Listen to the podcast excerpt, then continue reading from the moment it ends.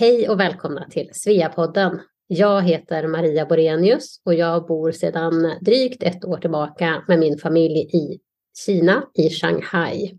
Och jag är medlem i Svea Global. Med mig idag har jag Anna Tvinnerheim. Ja, hej allihopa!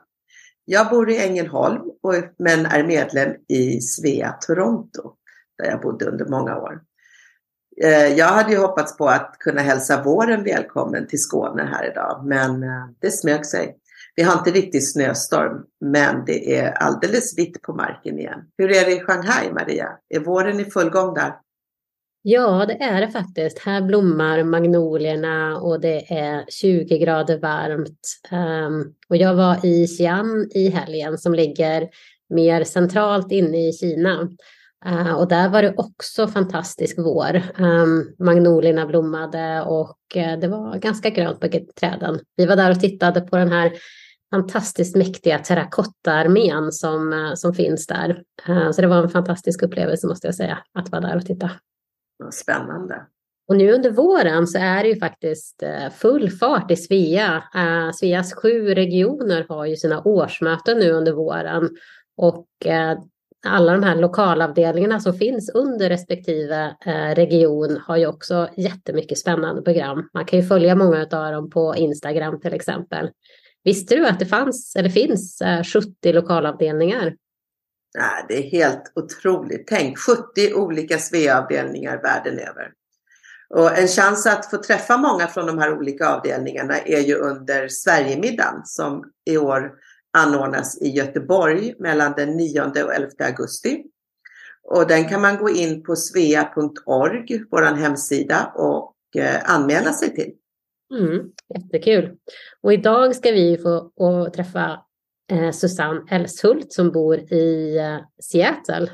Det ska verkligen bli jätteroligt att höra Susanne berätta om sina erfarenheter inom Search and Rescue med sin hund Keb. Det här är något helt nytt för mig Ja, det är samma för mig. Jag kan inte heller någonting om hundar, så det ska bli jättespännande. Susanne har ju också en lång karriär bakom sig inom HR på stora bolag i USA. Och det ska också bli spännande att prata med henne om det idag. Och nu är det dags att prata med dagens gäst, Susanne.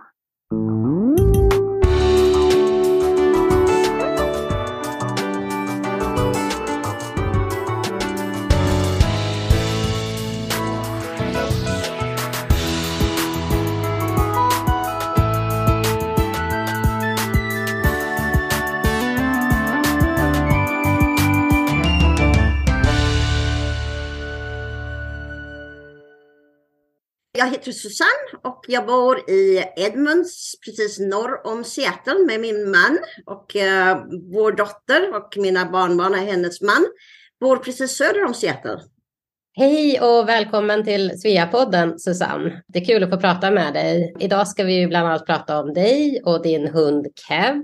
Och vi ber redan på förhand om ursäkt att både Anna och jag är ganska eh, oerfarna när det kommer till hundar. Så vi kan inte jättemycket om hur det är att äga hund och hur man tränar en hund och så vidare. Men det ska bli jätteroligt att få höra om dig och om ditt arbete med din hund. Min hund ligger faktiskt här nere på mattan och sover just nu. Oh, väluppfostrad hund. Då får vi säga välkommen till Keb också. Ja. Vi tänkte egentligen börja med att lära känna dig lite grann först, Susanne. Eh, du nämnde att du bodde i Seattle och att du bor där med din, din man och att din dotter bor där och så vidare. Men kan du inte berätta lite grann om hur du hamnade där och, och hur kommer det sig att du hamnade i Seattle? Ja, det är en lång historia. Jag, jag, träffade faktiskt min man i Lund när jag studerade för min filkand där. Han var utbytesstudent. Och ehm, eh, han åkte tillbaka till USA efter att han hade studerat färdigt där. Och eh, jag fick faktiskt ett stipendium att åka till eh, University of California, Santa Barbara för att ta min magister. Och eh, så det gjorde jag då, det var på 70-talet. Och ehm, efter vi var båda klara med våra studier så var vi ju tvungna att bestämma var vi skulle bo och eh, vi funderade ju faktiskt ganska skarpt på det där med att flytta till Sverige. Men det blev inte så, utan vi, vi åkte på västkusten och tittade på olika städer, Portland och Seattle och San Diego och så vidare. Men när jag kom till Seattle så blev jag alldeles, jag föll, eh, I fell in love med Seattle allting som jag tycker är så fint här är you know, skärgården, vattnet, eh, man kan åka skidor, vildmarken.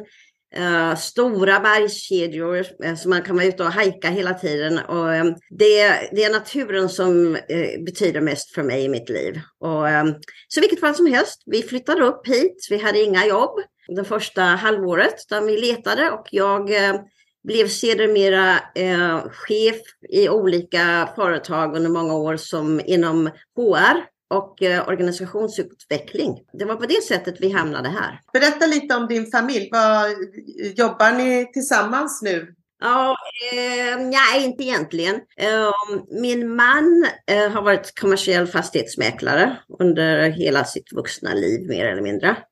Och eh, jag var ju i flera ja, 20 år så jobbade jag inom företagsvärlden. 60 till 70 timmar i veckan och jag blev helt enkelt utbränd och jag tyckte jag förlorade mig själv.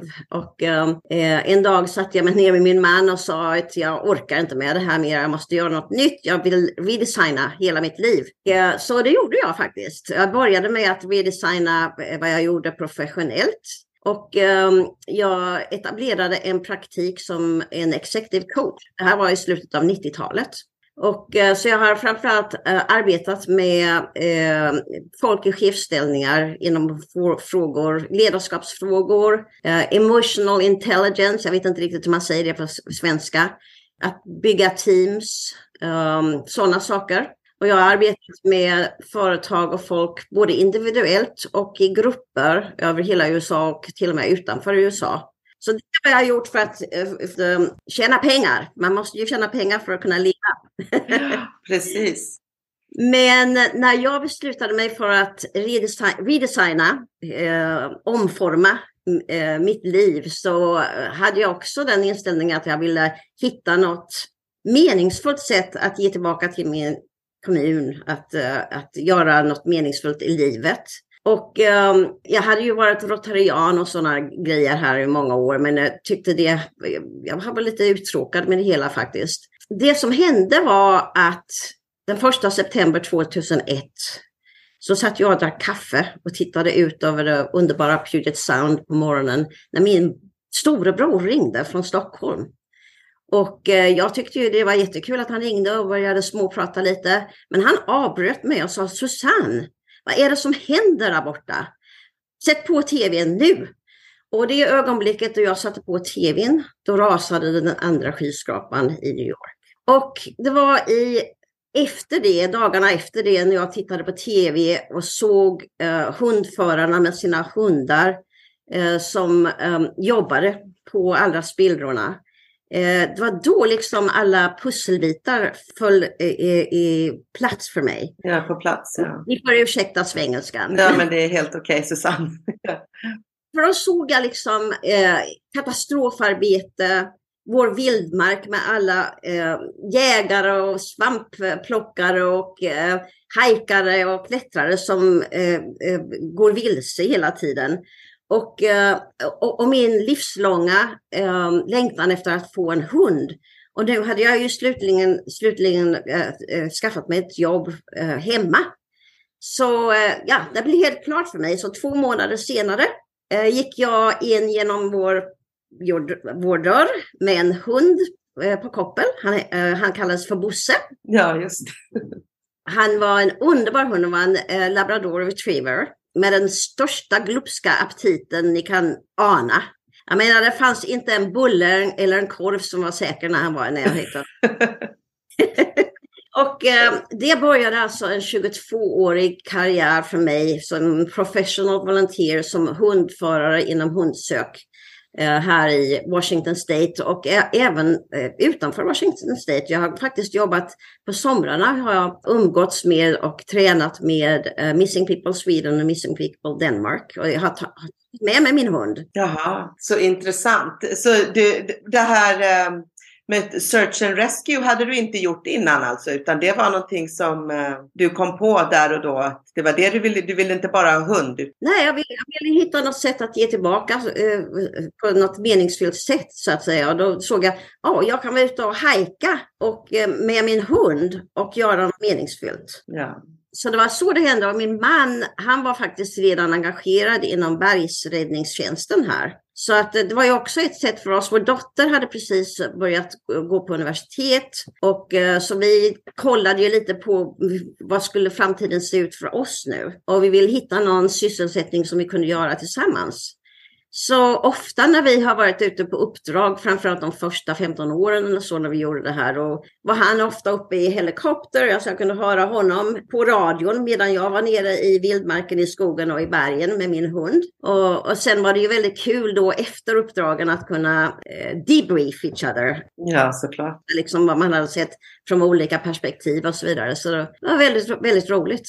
Vi kunde göra det tillsammans och uh, vår dotter och hennes man är också väldigt intresserade av uh, att hajka och bergsklättring och sånt. Och vi tog faktiskt uh, en teknisk årslång träningskurs tillsammans för att kunna göra, bestiga mer tekniska bergstoppar. Och ehm, som till exempel jag, jag har, jag har bestigit Kilimanjaro och, i Afrika och Nevada Toluca i Mexiko som båda är liksom högaltitudutmaningar.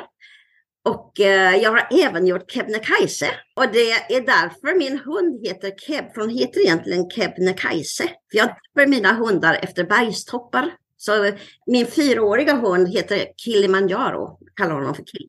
Kill, ja. Vilka fina namn. Ja, så hur, hur håller du dig? Eh, det måste ju vara krävande fysiskt, eh, allt det här och så. Räcker det med jobbet så att säga eller gör du någonting annat också? Nej, det, man måste ju verkligen hålla sig i form för att eh, annars så blir man ju, eh, annars så hjälper man ju inte på uppdragen om man inte klarar av det. Och ofta så tas man ju ut i helikopter, eh, ut eh, i vildmarken så att eh, man kanske, det kanske tar en dag eller två att vandra hem så att säga. Så att man måste ju vara i form, både jag och hundarna. Mm. Nej, under många, många år eh, har jag gjort eh, cardio weight training, tre, fyra dagar i veckan. Plus jag går ut åtminstone en, en till en och en halv timme varje dag med eh, att vandra med mina hundar och eh, integrera lite eh, träning i det också. Och sen på veckohelgerna framför allt så är det minst en hel dag som vi tränar ute i eh, vildmarken eller på andra ställen. Så att, eh, Nej, det är 15 timmar i veckan minimum som jag tillbringar med att uh, göra mitt volontärarbete som hundförare här i Washington State. Spännande. Vi ska komma tillbaka lite och prata om eh, hunden och, och, hur det funkar och hur man tränar hunden och så vidare. Men vi tyckte det var så spännande det här du berättade med att du hade jobbat inom eh, Corporate America och inom HR och så vidare. Kan du berätta lite om det arbetet? Hur, hur var det att jobba i ett stort bolag i USA till exempel? Oh, ja, när jag jobbade för många olika bolag. Jag tyckte det var jätteroligt när jag gjorde det, men när man har gjort det i 20 år så kanske man blir lite less på det hela. Um, jag hamnade mycket inom fackföreningsförhandlingar och sådana grejer också. Så jag tyckte liksom att eh, mycket av det jag gjorde fokuserades på problem och konflikthantering, eh, vilket var vad jag hade studerat faktiskt. Min magister var eh, fokuserad på konflikthanteringen och ehm, jag hade faktiskt Carl Rogers som var ledaren för potentialrörelsen här i ehm, USA, var min ehm, mentor och ledare för min magisteruppsats. Men i vilket fall som helst, jag, jag liksom blev le på det där att alltid eh, titta på problem och konflikter. Och eh, det är ju skillnad när man är en coach, en executive coach, så tittar man ju mycket framåt. Och ehm, eh, tittar på eh, möjligheter och eh, potential. Och ehm, it, it's much more action driven. Mm. Ehm, så det var det som liksom motiverade mig till att gå in i, i den riktningen. För ofta inom företag, när man har varit där en, en, mer än fem år, så blir man liksom, uh, så blir folk lite less på en och man är inte helt nytt blod längre. Va? Så att, uh, men det där, min egen praktik tyckte jag var jätteroligt för de som anställde mig, alltså de vill ju verkligen ha mig. Jag jobbade framförallt, jag jobbade mycket med folk och jobbar fortfarande med folk inom företagsvärlden som som är lite utbrända. De kanske går igenom medelålderskrisen. Liksom undrar you know, vem, vem är jag och vad gör jag? Och, ehm, och jag tycker det är jätteroligt att eh, eh, arbeta med eh, sådana individer. Och, och, man vet ju aldrig vad, vad, som, vad som händer så att säga. En del, en del lämnar ju företagslivet efter att de har varit med en executive coach. Och andra kanske bestämmer sig för att nej, kanske det är så dumt efter allt. Um, för jag tror folk har lite, uh, lite av en uh, för positiv vy av uh, vad, det är, ja, vad det är att vara en konsult eller vara egen företagare. Det är många här i USA som um, vill bli coaches. Men det är ju andra skickligheter än att bara vara en good coach. Man måste ju kunna marknadsföra. Vad, vad, gör man då som executive coach? Vad, ah. vad liksom, vad, som du sa, man måste kunna marknadsföra och hitta uppdragen. Men sen vad ingår det i att vara executive coach då? Ja, jag har gjort både gruppcoaching och individuell coaching. Som, eh, jag, I många år så drev jag vad jag kallade för executive roundtables. Så jag hade 20 till 30 eh, marknadsföringschefer i en grupp och eh, 20 till 30 HR eh, och eh, organisationsutvecklingschefer i en annan grupp. Och vi träffades en gång i månaden i tre timmar för att eh, i, i, i ett privat, intimt samtal kunna eh, prata om utmaningar som de har på sina jobb eh, tillsammans med andra chefer. Och det var då min roll att vara liksom moderator och eh, ställa, ställa bra frågor så att säga, så att eh, saker och ting öppnades upp.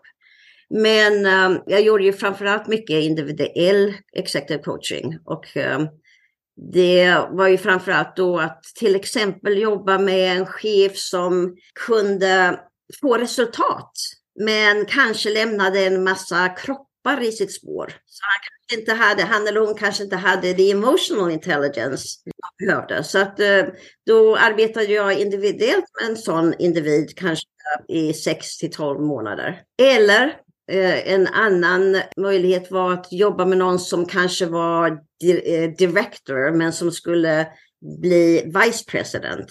Och, eh, så de ville accelerera hur snabbt de blev um, strategiska i, sin, i, sin, i sina tankar och så vidare. Så att då jobbar jag med sådana individer. Spännande, det låter jättekul.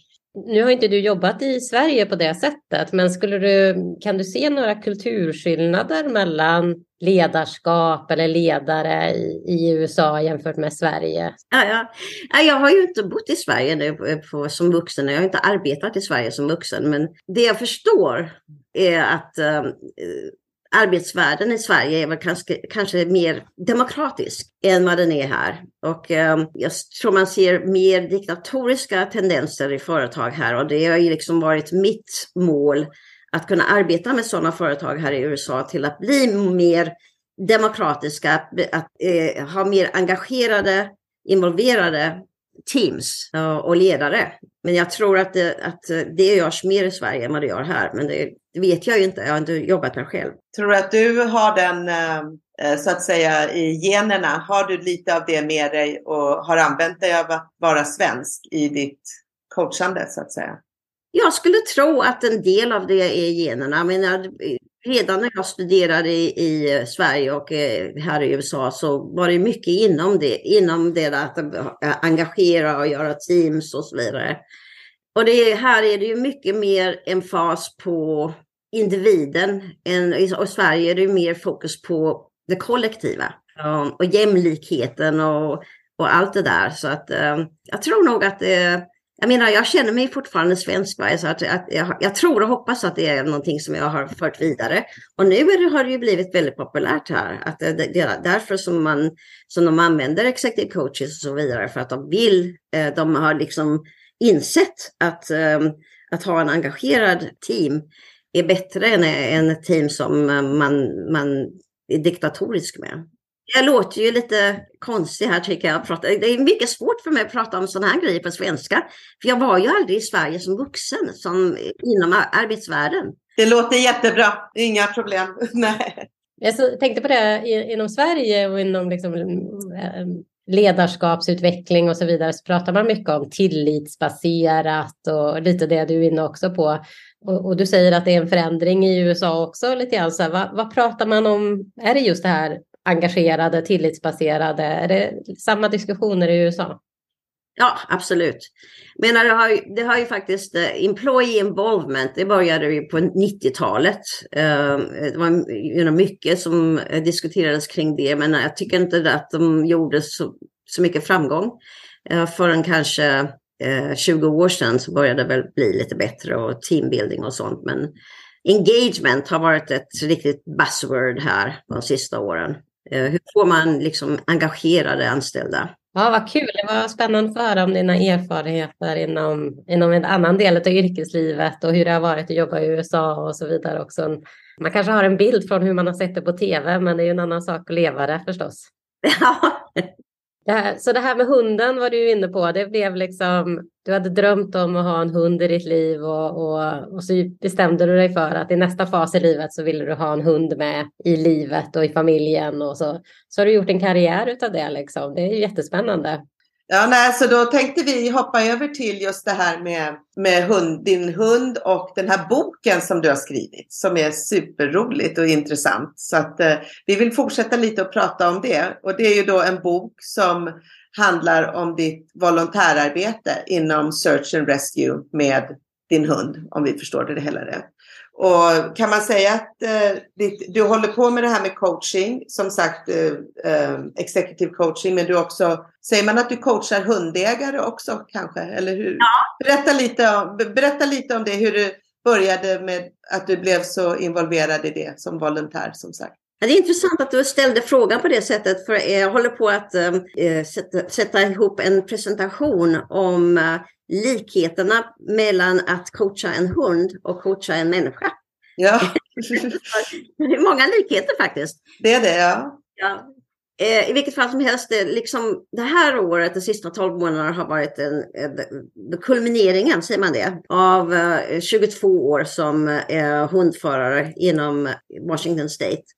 Och både boken som blev publicerad i oktober förra året som har blivit en bestseller och vunnit uh, awards. Och även Keb blev faktiskt the um, American Humane Search and Rescue Hero Dog of the Year. Och grattis! Förra året.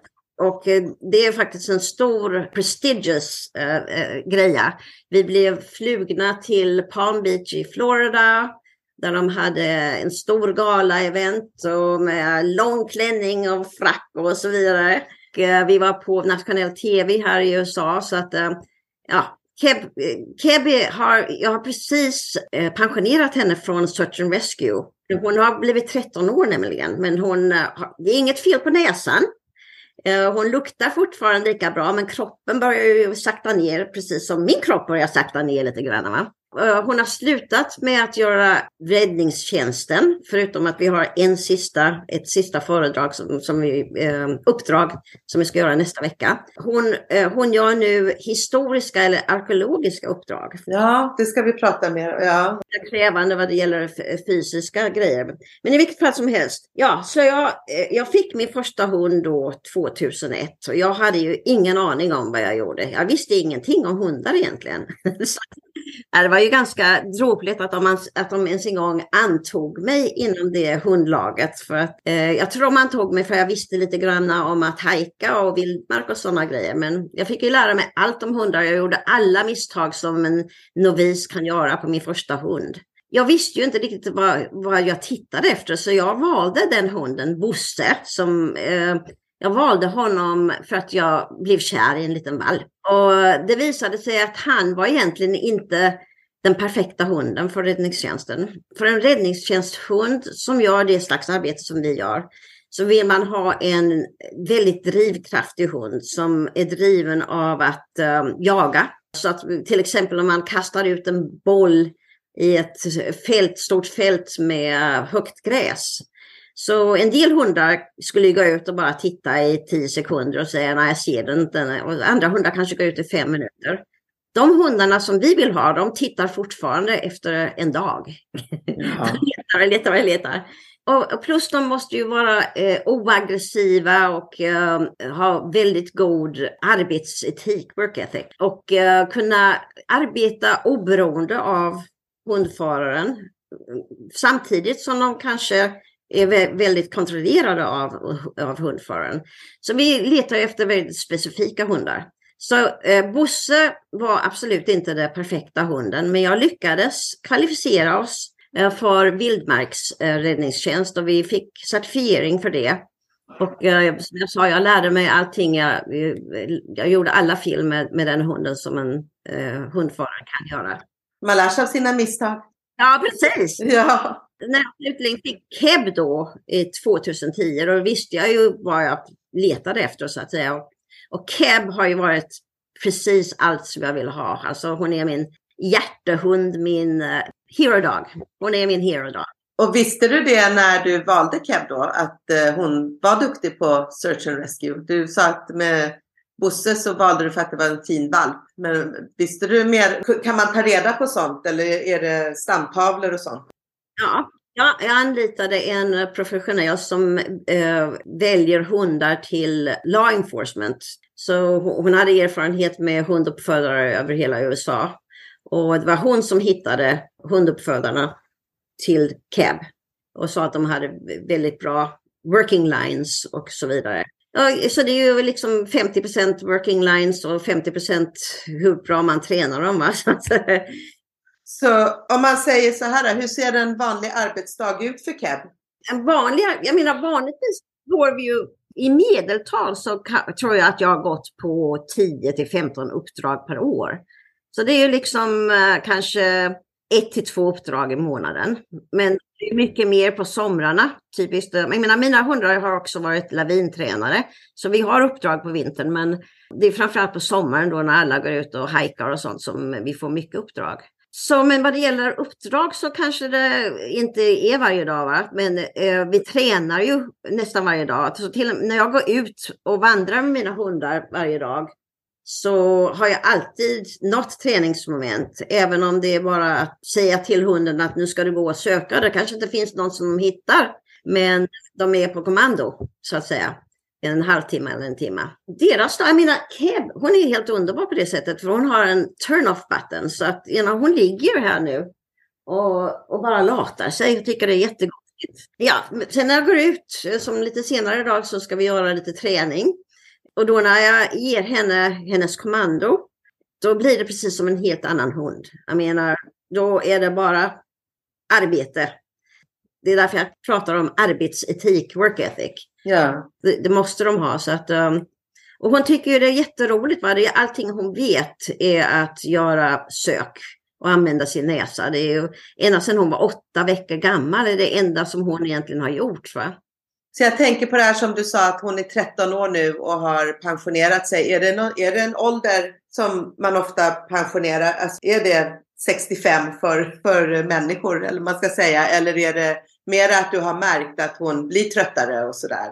De, de flesta pensionerar sina uh, räddningshundar ungefär vid 10, mellan 9 och 11 år. Så att Keb har kunnat fortsätta längre i och med att jag har specialiserat mig inom liksök de sista sex åren. Eh, så det betyder ju att jag arbetar mycket med eh, polisen inom kriminella fall, cold cases. Kallas det för kalla fall? Ja. Jag har gjort mycket cold cases och sånt eh, som inte är riktigt lika krävande fysiskt sett som när vi eh, gjorde mycket vildmarkssök. Eh, jag menar, när vi gjorde vildmarkssök mycket så det var ju, vi togs in med helikopter på Mount Rainier och eh, blev bara avdroppade där på berget så att säga. Då fick man lista ut hur, hur att ta sig hem på något sätt. Så det kunde man ju vara ute i flera dagar. Baserat på de här eh, strapatserna då så har ju du nu skrivit en bok då som sagt. Ja. Och eh, du kan väl berätta lite, hur kom det sig att du skrev den här boken? Och jag är väldigt, dels det och sen så är jag också är nyfikna på hur man marknadsför eh, det här. Har du, gjort, har du haft en egen? Boken heter ju A Dog's Devotion. Och jag, jag, tror att man kan köpa den i Sverige och i Storbritannien. Och, på Amazon säkert. Ja, ja Amazon. Men i vilket fall som helst, det var, när man går ut och söker så är man en trio. Det är hundförare, hund och vad vi kallar field support.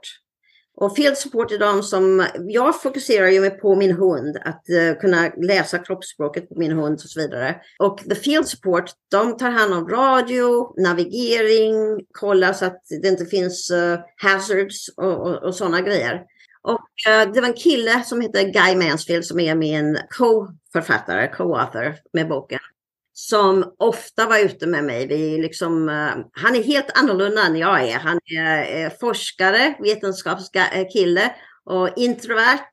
Det liksom funkade väldigt bra när vi var tillsammans. Och det var han som närmade sig mig för fem år sedan och sa du, vi skulle skriva en bok om alla våra äventyr. Först så sa jag nej, det tycker jag inte låter, nej, det vill jag inte.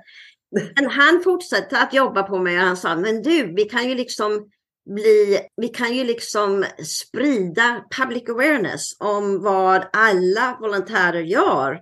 Och för det är väldigt få folk som verkligen förstår vad som händer bakom kulisserna. Jag sa, ja det låter ju ganska intressant. Och så, så jag tänkte på det lite mer, en månad eller två. Och så sa jag, men du, jag tror att jag kan bli jätte-excited. Vi också kan liksom inspirera folk till att följa sina drömmar och hitta sitt syfte, hitta eh, meningsfyllda eh, sätt i, i, att ge tillbaka i sitt liv.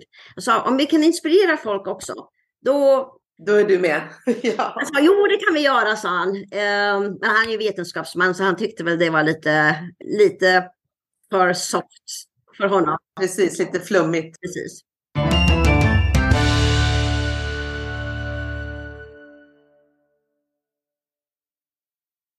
Svea är den största ideella Sverigefrämjande organisationen utanför Sverige.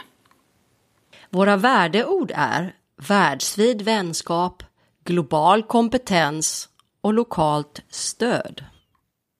Vår vision, det är att vara det självklara nätverket för svensktalande kvinnor utomlands.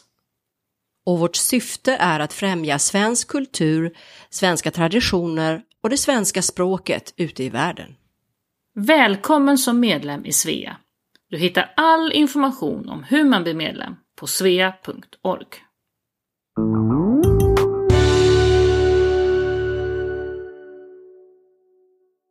Men i vilket fall som helst, det var för fem år sedan och eh, vi gick det första året efter vi hade börjat, vi hade sagt eh, ihop vårt första manuskript så gick jag på en uh, stor konferens här i Pacific Northwest, uh, the Pacific Northwest Writers Association.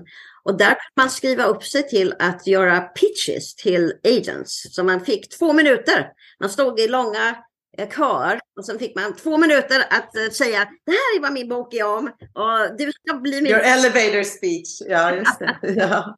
Uh, och då måste jag säga att jag hade lärt mig mycket om marknadsföring och uh, having en elevator speech genom allt jag hade gjort som egen företagare. Så att det var inte så här jättesvårt för mig. Och så jag pitchade till sex agenter och fick faktiskt fem av dem eh, besvarade och sa att de ville ha antingen hela, hela manuskriptet eller en del av manuskriptet. Så att vi hade, vi hade ganska många napp.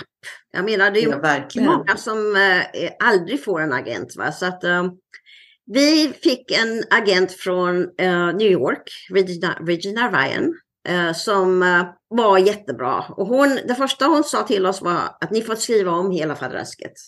För vi hade skrivit det från två olika perspektiv. Så det var min co-author Guy pratade och sen pratade jag. Och hon sa nej det blir inget, uh, det blir inget flyt. Så vi tillbringade alltså åtta månader med att skriva om hela, hela fadderasket. För hon sa att jag tycker om Susannes röst men du Guy jag tycker inte så mycket om din röst. Han kan vara lite sarkastisk va? så, I vilket fall som helst, så vi skrev om det från eh, min röst och eh, tog med hans eh, perspektiv.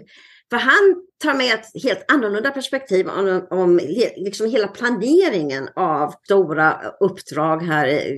Man kan ju ha hundratals mm, folk från räddningstjänsten på olika uppdrag om det är riktigt stort. Va? Han har faktiskt blivit eh, en expert här i Washington State och anlitats. Han har varit i, på Island och pratat om hur man gör, eh, planerar eh, uppdrag och så vidare. Vilket fall som helst, så vi, jag tror vi måste ha haft 30 eller 40 manuskript. Jag menar, Regina, det var hon som hjälpte oss att hitta ett bokförlag. Och hon hittade ett väldigt bra bokförlag, Lions Press, som är part of um, Roman and Littlefield. Så vi har jobbat med dem, men numera här i USA åtminstone, bokförlagen gör inte så mycket för dig. De brukade ju göra massor mer. För att marknadsföra sin bok sen ja, menar marknadsföra. Eh, de gör faktiskt inte så mycket av det. Så att um, de säger ju att att publicera en bok är 50% är att skriva den och 50% är att, att uh, marknadsföra den. Och uh, bokförlagen här, de tittar inte ens en gång på dig om du inte har ett stort uh, social media-plattform. Där var ju jag lyckans ost egentligen. För att eh, jag hade ju faktiskt genom att jag hade jobbat så mycket med marknadsföringschefer så hade jag varit tvungen att vara på social media för att visa dem att jag I'm up to date. Ja. jag, är, jag är på Facebook och Instagram och TikTok och Twitter och LinkedIn. Jag är liksom överallt. Va? Det hjälpte ju verkligen oss med att få ett bra bokförlag. Det är mer eller mindre, ja, åtminstone en halvtidsjobb. Jag har dragit tillbaka mycket på nu att göra coaching för att det har varit så, det har tagit så mycket tid att marknadsföra boken. Plus jag tycker det är jätteroligt för att just nu är vi ute mycket och eh, gör presentationer. eh, från eh, ja, organisationer som Votary till, jag, jag ska eh, göra presentation nästa vecka på en, en stor hundkonferens. Ett stort, stort sportlag här inom baseball. De ringde precis till mig häromdagen och sa att de ville att Keb och jag skulle komma och bli recognized, erkända. bollmatch i april och där ska ju vara 27 000 folk som... Nej men vad roligt. Ja. Det är ju jätteroligt för jag kan tänka mig det finns så många infallsvinklar, ingångar till att det här ska vara intressant. Både som sagt hundägare men också naturintresserade människor. Eller... De som tycker kriminella detektivromaner och sånt är... Ja, det är spännande, spänningen i det hela. Ja. ja. Nej men vad roligt vi undrade lite grann om, för, och du nämnde det lite tidigare här, att så det här med Keb och han söker numera efter gamla ben. Ja, just det. Om vi går över på den delen då av Kebs sysselsättning. Ja, vi hade ett uppdrag 2014 som var ett, det, det, största landskredet i Washington States historia som begravde en hel kommun. 43 människor dog och eh, Keb och jag var på det uppdraget under mer än en månads tid och hittade tre av dem som hade avlidit. Och um, hade mycket kommunikation med familjerna. För, för de, familjerna var även ute och letade efter sina älskade. Så att det liksom emotionellt gjorde någonting för mig. Att jag ville, för oftast så är det ju de när man hittar levande som får, som får mest eh, uppmärksamhet. Och det, de, de familjerna som sitter där ute i osäkerhet i månader, år, 10, år, 20 år och aldrig hittar sina... Det måste ju vara hemskt emotionellt sett. Så att eh, jag kände liksom en affinity med dem, med dem och började riktigt seriöst att träna för liksök. Det har jag specialiserat mig inom sedan 2014. Och jag har arbetat både med, som jag sa, med kriminella och, och, och även hajkar och sånt som försvinner och eh, ofta, ni skulle nog bli förvånade över hur många som aldrig hittas, faller in i en spricka på snöfälten eller något sånt. Men i vilket fall som helst så när jag upptäckte att, att Keb började bli lite gammal och liksom sakta ner för ett par år sedan så tänkte jag att ja, jag ska kolla på det där med att uh, göra historisk um, sök. För min, en av mina bästa vänner i Sverige, Eva Modén, hon var arkeolog när jag var i Sverige 2016 tror jag. Så här tog hon fram stenåldersben, gömde dem för oss och eh, jag har mina flickvänner där, vi träffas varje sommar i tre dagar och dricker vin och sjunger, för vi var alla i karen i gymnasiet. Men eh, i vilket fall som helst så slog hon ut stenbenen och alla stod ju där som eh, var publik för att se om en hund skulle hitta dem. Och hunden hittade allihopa. Så att eh, det hade liksom eh, blivit lite av ett intresse där redan också. Och sen finns det en organisation här lokalt som eh, har specialiserat sig inom det, så jag kontaktade dem. Och eh, de tyckte det var jätteroligt att jag ville bli eh, medlem. Och, eh, så jag blev medlem för två år sedan och så Keb och jag har nu tränat mycket på gamla människoben, väldigt gamla människoben, kanske 200 år, 500 år gamla. Oj. Och eh, tänder och så vidare. Och det är en stor skillnad mellan Sverige och här i USA. Vi har faktiskt tillgång till, vad kallas det för, mänskliga överlevningar, människodelar. Om du har ett knäbyte eller ett höftbyte eller om du har en moderkaka när du precis haft, äh, fått barn, då blir du min bästa vän. Kommer jag och säger, kan du prata med din läkare, här har jag ett, ett, en form, och se om jag kan få knät, äh, benen från knät eller benen från höften eller vad det nu är, eller moderkakan. Och vi har även vad vi kallar för body farms eh, här på fem, sex olika ställen i USA där vi, vi, kan åka med våra hundar. Där de får faktiskt söka på hela kroppar eh, i olika stadier av, eh, kan vara någon som har dött inom, inom de närmaste två veckorna eller någon som har varit död i, i fem år eller så vidare. För det är på det sättet som våra hundar tränas för att hitta det som vi letar efter. Och det är lite annorlunda än i Sverige, för ni har inte samma tillgång där som vi har. Och när jag har tränat med Missing People Sweden i Sverige så har det ju mest varit tänder och hår och eh, danskarna de hade en eh, moderkaka när jag var där eh, för ett par år sedan och de tyckte det var toppen. Och de har ju faktiskt varit ganska effektiva med att hitta i vilket fall som helst. Så att, uh... Det här hade man ju inte ens tänkt på att det skulle vara ett problem, tillgången till ben. Liksom. Men Nej. det, det naturligtvis är ett problem om det inte, inte finns att få tag på utan man måste uh, gå via myndigheter och så vidare. Liksom, sådär. Mm. Jättespännande verkligen att lära sig mer om den här, uh, hur det är att vara inom det här fältet. Men jag tänker... Kan jag bara säga en grej till? För, för, när vi gör det, då, då, jobbar vi ju inte med polisen, utan det är, vi jobbar med arkeologer, native american tribes och så vidare. Ja, gud vad spännande. Det är klart att det är ju en jättestor grupp som har funnits på, i mark ute i naturen länge och vill hitta sina... Jag tänkte på det när man är då ute på ett sånt här uppdrag. Hur, hur, liksom, hur jobbar man emotionellt med både sig själv och kanske även sin hund när för man måste ju stöta på ganska mycket olycka som du säger. Hur, hur känns det? Hur, hur förbereder man sig för ett sådant uppdrag? Liksom? Hur har du gjort? Man får liksom göra på samma sätt som eh, sådana som är inom hälsovården. Eh, min dotter och hennes man, de är båda eh, kirurger. Och eh, de får ju liksom paketera sina känslor för att, eh, och, och sikta, sikta sig på att vara professionella. Så att eh, när vi är ute på uppdrag då får vi inte låta våra eh, känslor komma in allt för mycket i spelet. Och det betyder ju inte att eh, det finns ju säkert tillfällen efter ett uppdrag då jag i mitt privata liv med Keb slickande mig på nacken, pussande mig, att uh, man fäller en tår. Men vi har också resurser här som räddningstjänst, uh, volontärer, där vi kan få uh, counselors som kommer in och uh, gör vad som kallas för debriefs. Och, uh, mm.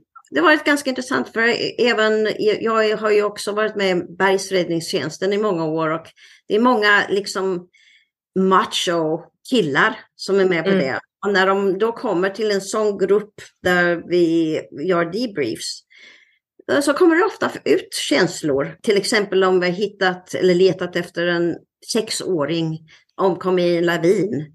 De har en sexåring. Då liksom plötsligt så you know, det är sådana sätt som eh, vi får hantera det. Det kan ju vara jättesvårt. Jag kommer ihåg på eh, The Oslo Landslide, det här landskredet, att eh, en dag när jag var ute på gyttjan och gyttjan var alltså eh, 20 till 70 fot. Jag såg en ung man som eh, på distans som hade liksom, han hade gjort en liten hög av någonting. Och när jag kom upp så såg jag att det var en hög med leksaker och små eh, klänningar eh, till en, en, en toddler. Mm. Han vände sig om och, och, sa till mig, du, kan du kan hjälpa mig hitta min lilla flicka? Säger gulp liksom. Så att eh, man försöker ju stänga av den när man är på uppdrag så, och sikta sig in på det som man eh, ska göra. Ja, det förstår jag verkligen. Vilken, eh, Ja, det, det, är ett mycket större uppdrag än man kan tänka sig verkligen. Mm. Och det här Keb då, den här fantastiska hunden, pratade om att du hade verkligen, du hade liksom letat för att hitta henne, eller ändå är exceptionell hund på många sätt. Vad är det som skiljer Keb då? Är det, har hon en bättre näsa än andra hundar eller liksom gör henne speciell förutom liksom work ethic? Ja, hon har bra näsa, men jag tror det finns många hundar som har bra näsor kan träna upp sin näsa. Jag menar, deras näsor är ju helt fantastiska. De har 600, no, 300 million scent receptors jämfört med våra 6 miljoner. Så när de andas in till exempel så kan de andas i stereo, de luktar i stereo, så de här lilla grejerna på sidan av nosen. Det är så de kan liksom säga att koncentrationen är, större på den sidan än på den, så de eh, kan liksom lokalisera vad, vad saker är. Jaha, När de andas in så går hälften av luften går ner i lungorna genom att andas. Andra hälften ungefär går in till ett organ som sitter uppe vid hjärnan som kallas för vomer nasal organ.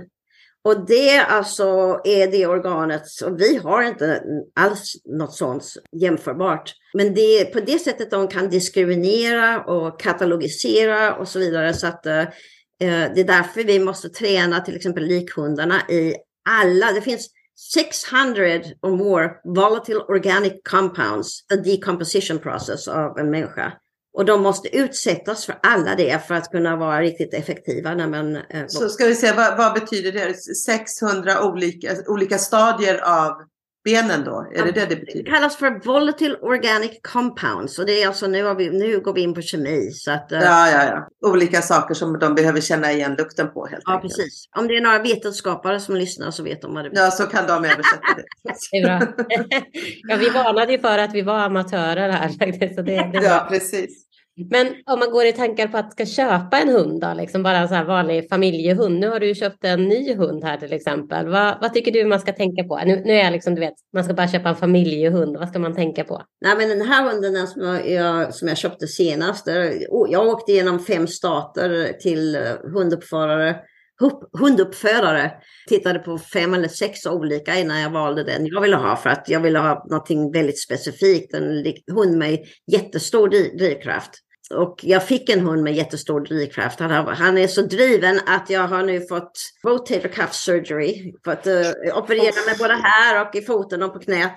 Men i vilket fall som helst, för en vanlig hund, ja, då skulle jag titta, titta på mycket mycket annorlunda. För då vill jag ha en hund som du verkligen kan leva med, en hund som uh, inte behöver ha så mycket uppmärksamhet som de här hundarna. De här, mina hundar de blir alldeles galna om de inte får motion, riktig motion varje dag. Liksom vinnarskalle de här hundarna. Ja, precis. Alltså de är verkligen en annan typ av hund som är som du säger, de, de ger sig inte förrän uppdraget är slutfört. Eh, Labrador retriever så finns det ju två olika slags. Det finns ju liksom uh, the English breed and the American breed. Och det är liksom jakthund versus showhund, showdog. Så om du ska ha en labrador då ska, som ska vara liksom bara din hund eh, som du kommer att älska och, och, och, kramas med.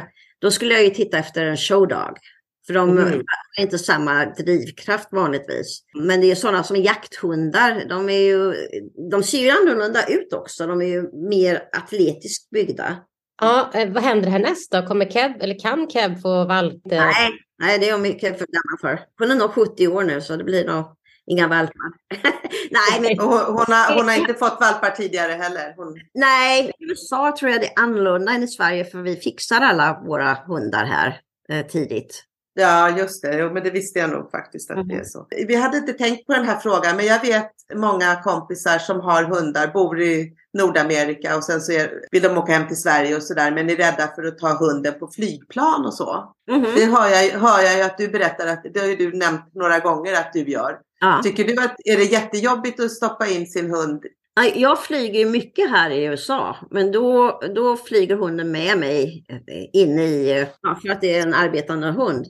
Men när jag åkte till Sverige så beslutade jag mig för att uh, åka genom Reykjavik till Köpenhamn. För jag kunde alltid då, framförallt när var en tio år sedan när Reykjaviks flygplats var lite mindre. Då kunde jag faktiskt se när de överförde henne från ett plan till det andra. Och, och då åkte hon inte med mig inne i själva planet. För jag tyckte det var för långt för henne att sitta inne i planet i så många timmar. De sitter ju precis inklämda då på golvet.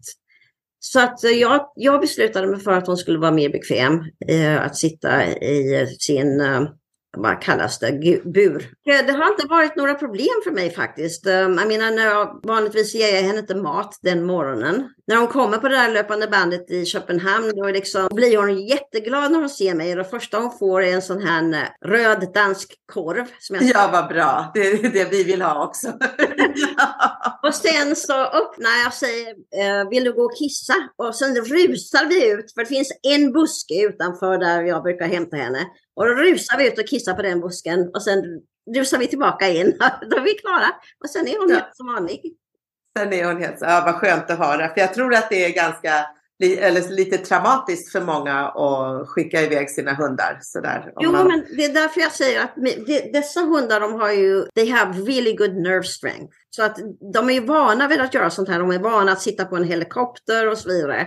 Ja, såklart. Att, eh, jag säger inte att eh, alla hundar skulle ta det så. Nej, och sen så som sagt så du kommer fortsätta volontera inom Search and Rescue med en annan hund, med Kill. På samma sätt så ska du fortsätta med arkeologiska utgrävningar då med honom? Eller? Jag har specialiserat mig inom cold cases, kalla fall och historiskt med båda hundarna. Killy är certifierad i både historiskt och forensic level när man jobbar med detektiver och så vidare.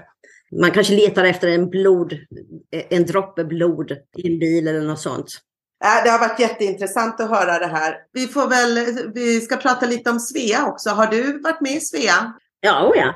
Men jag ska faktiskt göra presentation till Svea, jag tror nästa vecka den 12 tror jag, mars. Ska Nej, vad roligt. Och ta med Keb. Och uh, förhoppningsvis vill några köpa boken också. Vi har ett spe speciellt uh, stamp med Kebs uh, tasse. ja! Nej, så, att, så här är det att jag var ganska engagerad med Svea när jag först kom över. Och då på 80-talet så tror jag att jag var ganska engagerad, var med i styrelsen och, mm. och tyckte det var jätteroligt. Och jag har alltid haft Svea som en resurs sådär så att eh, som till exempel för två år sedan när helt plötsligt Eh, det stället där jag brukar få min julskinka. De hade ingen, då blev jag alldeles desperat. Liksom. Och då går man till och säger, var kan jag hitta en julskinka? Ja, precis. Eh, och var kan jag, är det någon som har ett bra glöggrecept och så vidare. Så att det, jag tycker det har blivit jätteroligt med det här att vi har kontakt på nätet. Eh, som till exempel det Mi Bergqvist, tror jag, hon har ju den här gruppen på Facebook som heter Svea skriver tror jag. Mm, precis. Och det, det, där lurkar jag lite i bakgrunden ofta och liksom kollar vad folk säger. Jag tycker det är jätteroligt för att liksom hålla uppe svenskan lite också. Va?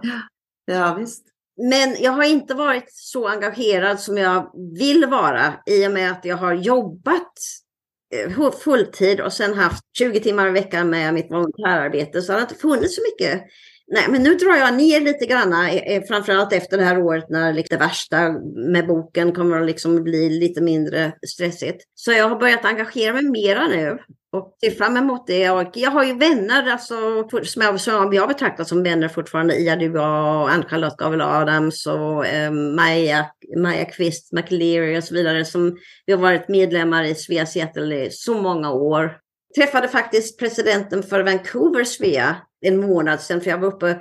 Hon hade bett mig komma upp och göra en, ett föredrag för hennes företag. Ja, just det det, jag visste inte att hon var eh, Svea förrän jag var där uppe tror jag. Men då har man ju någonting gemensamt. Så att, ja, men det är ju det som är så underbart med Svea. Det för oss tillsammans. Ja, precis. Och du berättade förut att du eh, fortfarande är i Nyhamnsläge på somrarna då? Jag har varit i Nyhamnsläge varje år innan jag flyttade från Sverige. Tre plus veckor tills covid. Men min mamma och pappa dog precis före det. Så nu har min äldre bror tagit över huset så det är fortfarande där och eh, nu har vi planerat i år ska jag komma dit i augusti. Och, eh, men jag har ju fortfarande mina bästa flickvänner i hela världen i Sverige. Ja, vad härligt. Ja, så att det ser jag verkligen fram emot. Får Keb följa med till Nyhamnsläge i augusti då eller? Jag tror att, att jag inte ska göra det nu. Jag tycker hon är för gammal och det där, men kisseriet och sånt, hon behöver kissa lite oftare och så. Jag tycker, jag tror nog inte jag gör det.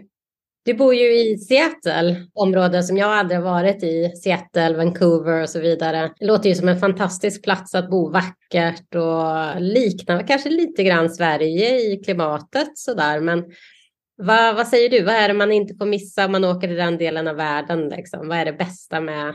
Ja, nu får du ju min synvinkel.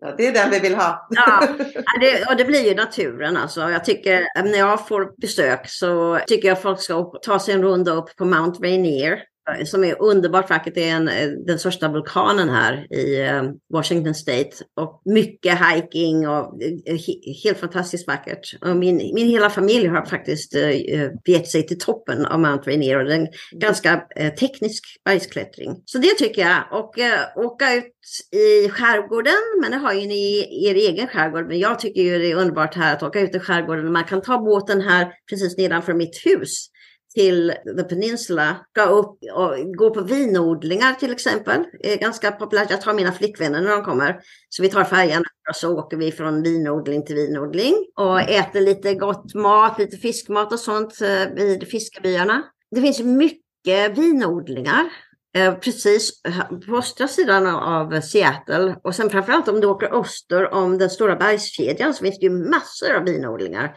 Så om du är liksom vinkonnässör så tror jag du kan ha jätteroligt. Och vi har mycket ölbryggerier.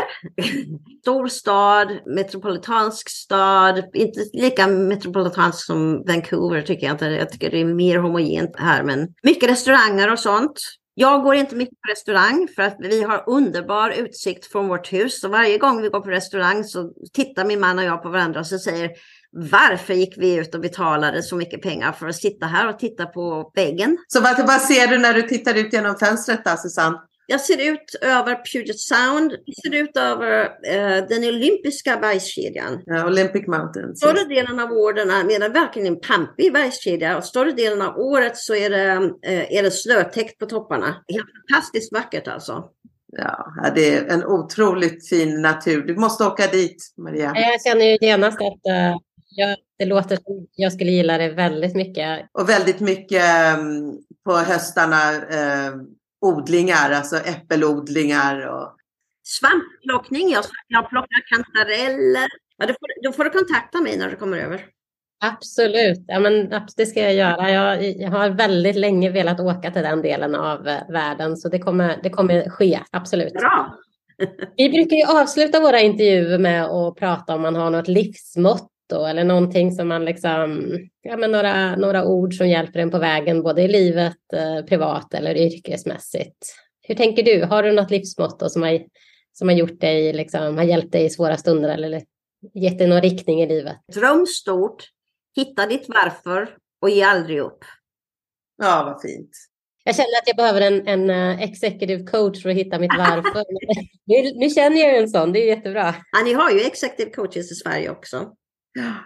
Alltså vi har lärt oss jättemycket Susanne. Det har varit superroligt att prata med dig tycker jag. Det är roligt när man, det, jag brukar säga det, det finns så många världar. När man, jag kommer ihåg när man fick barn, då helt plötsligt öppnades den världen upp med allt vad det innebar. Och så, ja. och när man köpte hus eller när man liksom man ändrar sig och så nu har du öppnat en, en värld igen här. Liksom, ja, med hela det här med hundar och re, search and rescue och arkeologiska ben och allt det här. Det har varit jätteintressant att prata med dig.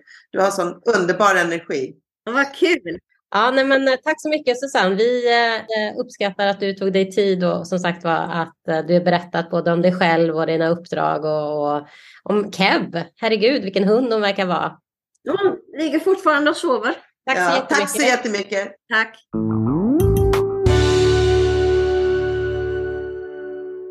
Tack för att du har lyssnat. Den här podden är inspelad och producerad för Svea International.